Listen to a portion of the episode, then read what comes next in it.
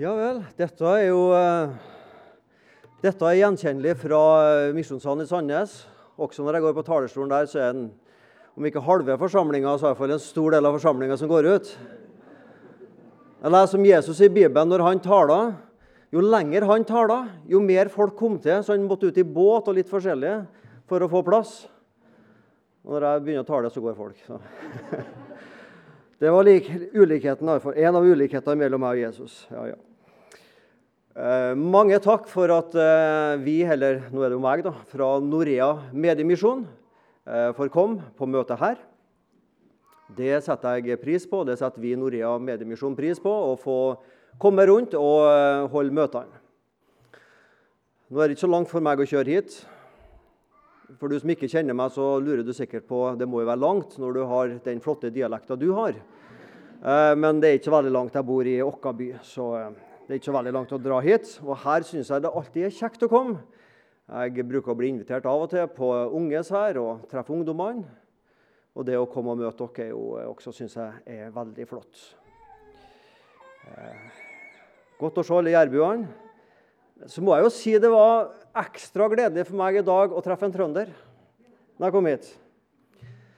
Og Det var som det heter da Samaranch annonserte eh, OL i 1994. And the choice is Lillehammer. Lillehammer. Lillehammer. det var ekstra kjekt å treffe deg. Vi, eh, vi drev litt sammen i barneungdomsarbeidet i Misjonen i, i Trøndelag for 25 år siden. Så det var veldig kjekt å se deg Lilly, og dere, alle dere andre. Så legger dere kanskje merke til at jeg går og knipser litt, så bare noen får om det. Eh, på Norea-pastorens hjemmeside Norea-pastoren, så bruker vi da å legge ut sånn en eh, artikkel når vi har vært på besøk på møter. Eh, hvis du ikke ønsker at ditt eh, ansikt skal være på bildet, så si det fra til meg etterpå. For det er ingen problem å ta vekk et ansikt med dagens teknologi. Bare så det er sagt.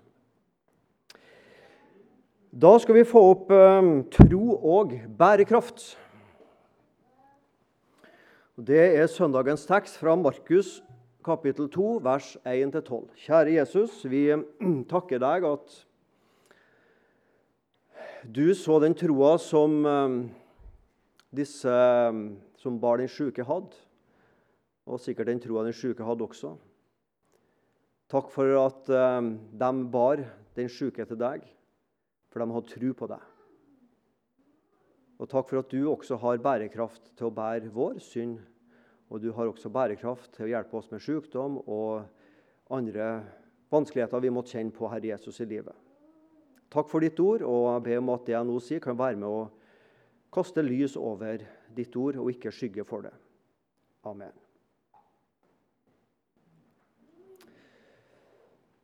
Mange av de historiene vi leser i evangelien, de er jo spennende og dramatiske på mange måter.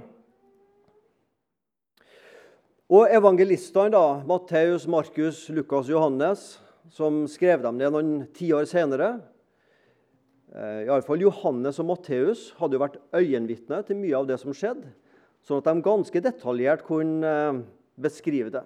Jeg mener, Når noen ødelegger taket på et hus, du glemmer ikke det liksom i løpet av et år. Det husker du selv om det er mange tiår seinere det blir skrevet ned. Og takk og lov at de skrev det ned, sånn at eh, vi en del uh, generasjoner senere kan lese de samme historiene og få noe ut av dem. Vi møter altså i denne fortellinga fire menn som går ganske drastisk til verks for at et sjukt menneske skal få møte Jesus. I mange kirker og bedehus er det god plass. Det er godt med folk her, men det er alltid plass til flere. Det er ikke så veldig vanskelig å komme til. Men der Jesus var, så var det ofte veldig vanskelig å komme til. Det var trangt, det var mye folk. Og det, Da måtte man være kreativ. Skal vi lese sammen fra Markus 2, 1-12. Nå kan det være litt smått det der hvis du sitter litt langt unna, men eh, jeg skal lese det høyt og tydelig og seint og på bokmål. Så da får du det med deg. Noen dager senere kom Jesus igjen til Kapernaum, og det ble kjent at han var hjemme. Straks samlet det seg så mange mennesker at de ikke fikk plass, ikke engang ved døren. Og han talte ordet til dem. De kom da til ham med en mann som var lam, og som ble båret av fire menn. Av folkemengden kunne de ikke få båret ham fram til Jesus. De brøt da opp taket over stedet der han var. Og da de hadde fått en åpning, firte de ned båren som den lamme lå på. Da Jesus så deres tro, sa han til den lamme, Barn, syndene dine er deg forlatt, tilgitt. Men noen av de skriftlærde satt der og tenkte i sitt hjerte, hvordan kan han tale slik? Han spotter jo Gud. Hvem kan forlate synder uten én, og det er Gud? Straks merket Jesus i sin ånd at de tenkte slik ved seg selv, og han sa til dem, Hvorfor tenker dere slik i deres hjerter? Hva er lettest å si til en lamme, dine synder er deg forlatt, eller å si, stå opp og ta båren din og gå? Men for at dere skal vite at menneskesønnen har makt på jorden til å forlate synder Og nå taler Jesus til en lamme. Jeg sier deg, stå opp, ta båren din og gå hjem til ditt hus. Han sto opp, tok båren, straks båren og gikk ut foran øynene på dem alle. Så alle ble ute av seg selv av undring. Og de priste Gud og sa, slikt har vi aldri sett. Jesus har blitt eh, døpt av døperen Johannes. Han har vært 40 dager ute i ørkenen, blitt frista av djevelen. Så kommer han hjem til Kapernaum. Eller Kapernaum, som noen mener at det skal uttales. Så starter da Jesus straks etter dette sin helbredelsespraksis. Og her er vi nå i Markus. Fra kapittel 11 hos Markus så starter lidelseshistorien altså i Jerusalem. Men i de ti første kapitlene hos Markus, unntatt kapittel 4, som er om lignelser, så finner du minst én helbredelse eller demonutdrivelse i hvert kapittel. Så Markus skriver om, mye om helbredelse og også demonutdrivelse.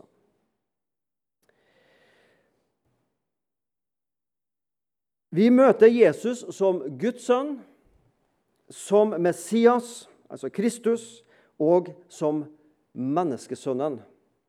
Som setter mennesker i frihet. Syndere blir tilgitt, syke blir friske, besatte blir satt i frihet. Ulike mennesker med ulike historier. Alle blir satt i frihet på et eller annet måte. Dette ryktet om denne helbredelsespredikanten må ha spredt seg ganske fort. For dette er tidlig i Jesus sitt offentlige virke. Men tydeligvis har da ryktet gått om at han gjør noe under. Altså vann til vin i, der, Det var ikke Kapernaum, det var Kanan, ja. Eh, og en del andre ting. Og ryktet går Dette er en spesiell kar, altså. En spesiell helbredelsespredikant. Og så strømmer folk til med egne sykdommer eller med familiemedlemmer eller venner som er syke. Straks samlet det seg så mange mennesker at de ikke fikk plass, ikke engang ved døren. Og han talte ordet til dem. Jesus så menneskets legemlige nød. Jesus så også menneskets åndelige nød. Den skjulte nøden som ikke noe menneske kan se. Han talte ordet til dem. Jesus la ut Det gamle testamentet på en ny og frisk måte, sånn at eh, folk sa Wow! Eh, sånn har ikke vi hørt Guds ord bli utlagt før. Dette var virkelig en predikant å høre på. Han forkynte ordet. Og Det spesielle er jo når da Jesus forkynner ordet til dem, så snakker han jo egentlig om seg sjøl. For det er jo han som er ordet, og som utlegger ordet. Jesus, En av disse dagene når han er i Kapernaum og helbreder denne syke, og så er han i, eh, så er han i gudshuset og så mm, synagogen, og så leser han fra Jesaja. Så sier han i dag er dette dere hører, det oppfylles nå. Altså, her er jeg. Det er jeg som er oppfyllelsen av det. Og Da slår jo janteloven inn. De hadde vel aldri hørt begrepet janteloven, men hvem tror du du er? Ja, Det er en annen historie. De kom altså til Jesus med en som var lam, som ble båret av fire mann. og Pga. folkemengden så kom de da ikke til og brøt opp taket. Også Lukas og Matteus har med denne fortellinga. Og alle tre, altså Matteus, Markus og Lukas, skildrer de fire vennene som bærer den syke fram til Jesus. I sin nød så blir de veldig kreative. Altså, vi bare må til Jesus. Ingenting skal hindre oss å komme til Jesus i vår nød. Og Det tenker jeg jo litt på mitt liv, og du har sikkert gjort av den erfaringa du har, at altså, når livet går greit og på skinner, som vi sier Ja, jeg tror jo på Jesus, og ja, skal jo lese og be, men hvor om å gjøre er det egentlig? Og så kommer vi i nød. Og så kommer vi i vanskeligheter. Eget liv, eller kanskje noen vi kjenner. Så blir det så ofte så mye mer om å gjøre å komme til Jesus. Nøden driver oss til Jesus. Nøden drev disse fire-fem karene til Jesus. Så hjerne og hjerte gløder av kreative løsninger. Hvordan i alle dager skal vi liksom eh, få folk til å legge seg ned og få Jesus til å springe ut og komme ut til oss, eller ja, Lang historie kort. Vi, vi, vi ødelegger taket. Så tar vi kostnaden etterpå. Men denne sjuke mannen må bare få komme helt fram til Jesus. Nå var det vel ikke noe glaserte hollandske takpanner som lå der. da. Det var vel litt halm og strå, så ikke sikkert kostnaden var så mange tusen kroner, men likevel. Det var jo ganske uhørt da, å ødelegge et tak på et hus. Da Jesus så deres tro, sa han til den lamme, 'Barn, syndene dine er deg forlatt.' Da Jesus så deres tro Markus tenker trolig sammen med Lukas og Matteus både på de fire bærerne og på den syke sjøl. Denne fortellinga må vi ikke misbruke slik at vi forkynner at vi kan tro for andre. Jeg har nok hørt det opp gjennom åra at noen snakker om at disse firene de trodde for den syke. Ehm, jeg tror sannheten er de fire trodde, men det gjorde den syke òg. Vi kan aldri tro for andre. Men vi kan tro sammen med andre. Og det er en forskjell der. Vi kan tro med andre.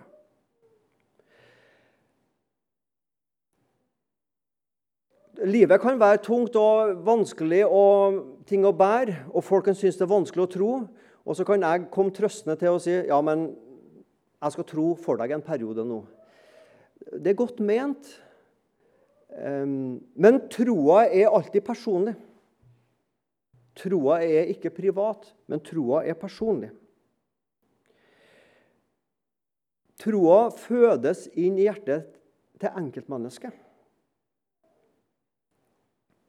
Det er forskjell på privat tro og personlig tro. Den private troa den holder troa for seg sjøl. Ja, det er en privat sak. Det har ikke du noe med. liksom. Men en personlig tro det er noe Gud har født inn i mitt hjerte, som jeg gjerne vil dele med andre. Personlig tro tommel opp. Privat tro tommel ned. Det er en forskjell der. Den skal være personlig. Og Jeg tror også at den syke her hadde ei tro. Hvor sterk og hvor svak hun var, det er en helt annen ting. Men jeg tror disse fire som bar, de trodde sammen med den syke. Og sammen så gikk de og ble båret til Jesus. Å tro, det er å komme til Jesus. Og her er det å bli båret til Jesus. Når vi har et problem i livet, så går vi gjerne til mennesker vi har tillit til kan hjelpe oss. Og kristen tro det er å ha tillit til at Jesus kan hjelpe meg. Hvis du og jeg blir enige at etter møtet så tar vi en kopp kaffe sammen innpå der. Og Så går vi inn dit, og så setter jeg meg ned, og så kommer du aldri. Eller du setter deg ned, og jeg ikke kommer. Så vil du miste tillit til meg. For jeg holdt, ord, holdt ikke ord. Tro er lik tillit. Det er et menneske du får tillit til. Det er et menneske som holder ord. Som gjør det det sier at det skal gjøre. Å tro på Jesus, det er ikke å komme til et visst nivå av forståelse eller åndelig tyngde eller modenhet. Nå, Jesus, har du en mann her med nok tro. Tro er å ha tillit til Jesus, og så går du til Jesus med det du har. Det er nok tro. Da er tro evangelium i stedet for at tro blir et sånn lovisk krav. Jesus helbreder den syke. Han hører og han ser hva den syke og hans venner ønsker. Og han anerkjenner deres tro, og han helbreder. Helbredelsen var viktig for denne mannen og for de bærerne. Likevel så starter Jesus med å tilgi mannen hans synder. Det hadde de jo ikke bedt om. De sier jo ikke at nå kommer vi med en stor synder her som du i din nåde må se i nåde til. Men Jesus ser det virkelige problemet. Det egentlige problemet, som er et større problem enn å være syk. Ja, det er et problem, men det fins et større problem. Det at mannen var en synder og trang å bli tilgitt og få sin sak i orden med Gud. Derfor starter Jesus med å tilgi. Så var det da noen skriftlærde som eh, tenkte i sitt hjerte hvordan kan Jesus snakke sånn? Han spotter Gud. Hvem kan forlate synder uten en? Det er jo Gud. Og det har de skriftlærde helt rett i. De tenker helt riktig. Jeg mener, Hvis det har kommet inn et menneske her og sagt jeg kan tilgi dere synder på vegne av Gud altså, Jeg er Gud. Jeg kan tilgi dere. Hvis jeg har sagt det, så hadde dere tenkt vi må ta en telefon til noen her, og her må det gjøres noe med ansettelsesforholdet. ikke sant? Det er jo helt riktig tenkt av de skriftlærde. Så, for det, Hvis Jesus ikke er Gud, så spotter han jo Gud ved å si at han kan tilgi synd. Naturlig. For hvis de skriftlærde anerkjente at Jesus tilga synd, så måtte de jo da også anerkjenne at han var Guds sønn. Det burde de ha gjort, men ut fra deres forståelse så er deres reaksjon helt forståelig. Som mennesker så bør vi selvfølgelig eh, tilgi hverandres synder når noen gjør noe galt imot oss. Jeg sa selvfølgelig, men jeg kjenner at det kan være vanskelig av og til. Når Gud tilgir, så forsvinner skylda som synda fører med seg. For synd overfor Gud skaper gjeld. Jeg står i gjeld til Gud. Og hvem kan fri meg fra den skyld og gjelda? Det kan ikke et menneske som sier 'jeg skal tilgi deg', hjelpe meg med. Det kan ikke mine egne åndelige prestasjoner eller lovnader om bot og bedring hjelpe meg med. Nei, det kan kun Gud i sin nåde ved Jesus Kristus. Han, Jesus, kan gjenskape daglig den gode relasjonen mellom deg og Gud, meg og Gud. Hver dag når du våkner, så kan du takke for at vet du, Jesus, i dag også vil jeg takke deg for at den relasjonen du skapte på Golgata, den gjelder i dag òg. Det kan du våkne hver dag og takke Gud med, og det kan du legge deg hver dag, hver kveld og takke Gud for. Jo da, Jesus han kan tilgi og han tilga denne mannen sine synder, som var hans egentlige problem. Men for at dere skal vite at menneskesønnen har makt på jorden til å forlate synder, sier Jesus om seg sjøl. Og Dette begrepet 'menneskesønnen' det er Jesu favorittuttrykk om seg sjøl. Han ble kalt Guds sønn og Messias, altså Kristus. Eh, som oftest så omtaler Jesus seg sjøl som menneskesønn. Men i det så ligger det jo mer enn bare å være sønn av et menneske. Det ligger at du er en Guds sønn. Dette begrepet som vi først møter i Daniel kapittel 7, om denne menneskesønnen som er i himmelen. Jesus er en himmelsk ikke skapning, men han, han er fra himmelen, han er fra Gud. Og han er Som menneskesønn så skal han en dag også komme som verdensdommeren. Og Dette er Jesu egne ord. For den som skammer seg over meg og mine ord i denne utro og syndige slekt, ham skal også menneskesønnen skamme seg over når han kommer i sin fars herlighet med de hellige engler. Denne fortellinga fra Markus kapittel 2 har iallfall tre viktige ting. Jesus er Guds sønn og menneskesønnen som kommer også for å helbrede syke. Jesus har fått Guds eh, fullmakt til å tilgi synder. Og for det tredje Jesus gir oppmerksomhet til den ene. Gedigne mengder med folk som Jesus preka til. 5000 foruten kvinner og barn. Kanskje var det 10 000 der. Gedigent møte. Men han har tid for den ene. Han ser den ene i mengden. Han ser deg, og han ser meg. Noe av det flotteste med Nytestamentet det er å lese fortellingene når Jesus møter enkeltmennesker. Enkeltmennesker som kommer med sine problemer og sine synder.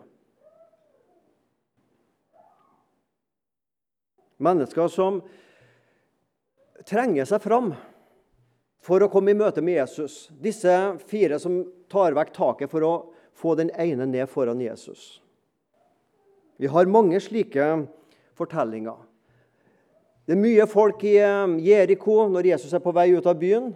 Men han har, han har tida for Bartimeus, den ene. Det var forrige søndagens tekst. ikke sant? Den ene Bartimeus, den blinde.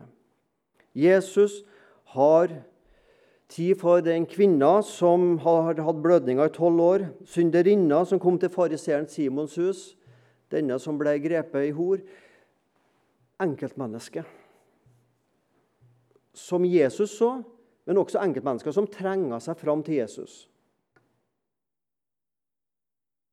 Vi mennesker er begrensa. Vi kan ikke snakke med alle alltid. Men Gud er ikke begrensa på den måten. Han har tid All den tid du trenger, har Gud til deg. Sjøl om han har sju milliarder mennesker på jorda å holde styr på. Så har han tid til akkurat deg så lenge som du vil. Fordi Gud er Gud. Det kan ikke mennesket gjøre, men det kan Gud. Det er nesten vi skulle si halleluja for det. altså. Men disse som trenger seg fram til Jesus som denne synderinna, de, de risikerte noe. De risikerte sitt gode navn og rykte. Eller av og til så var ikke ryktet så veldig godt, da, som hun. Og sitt dårlige navn og rykte. Men de risikerte også å bli skuffa. Og det gjør du og jeg også. Når vi kommer til Jesus med våre problemer. Vi står i fare for å bli skuffa, for Gud svarte oss ikke sånn som vi ønska at han skulle svare oss. Han helbreda oss ikke sånn som vi ønska. Han løste ikke det problemet som var så viktig for oss, sånn som vi ønska. Vi står i fare for å bli skuffa.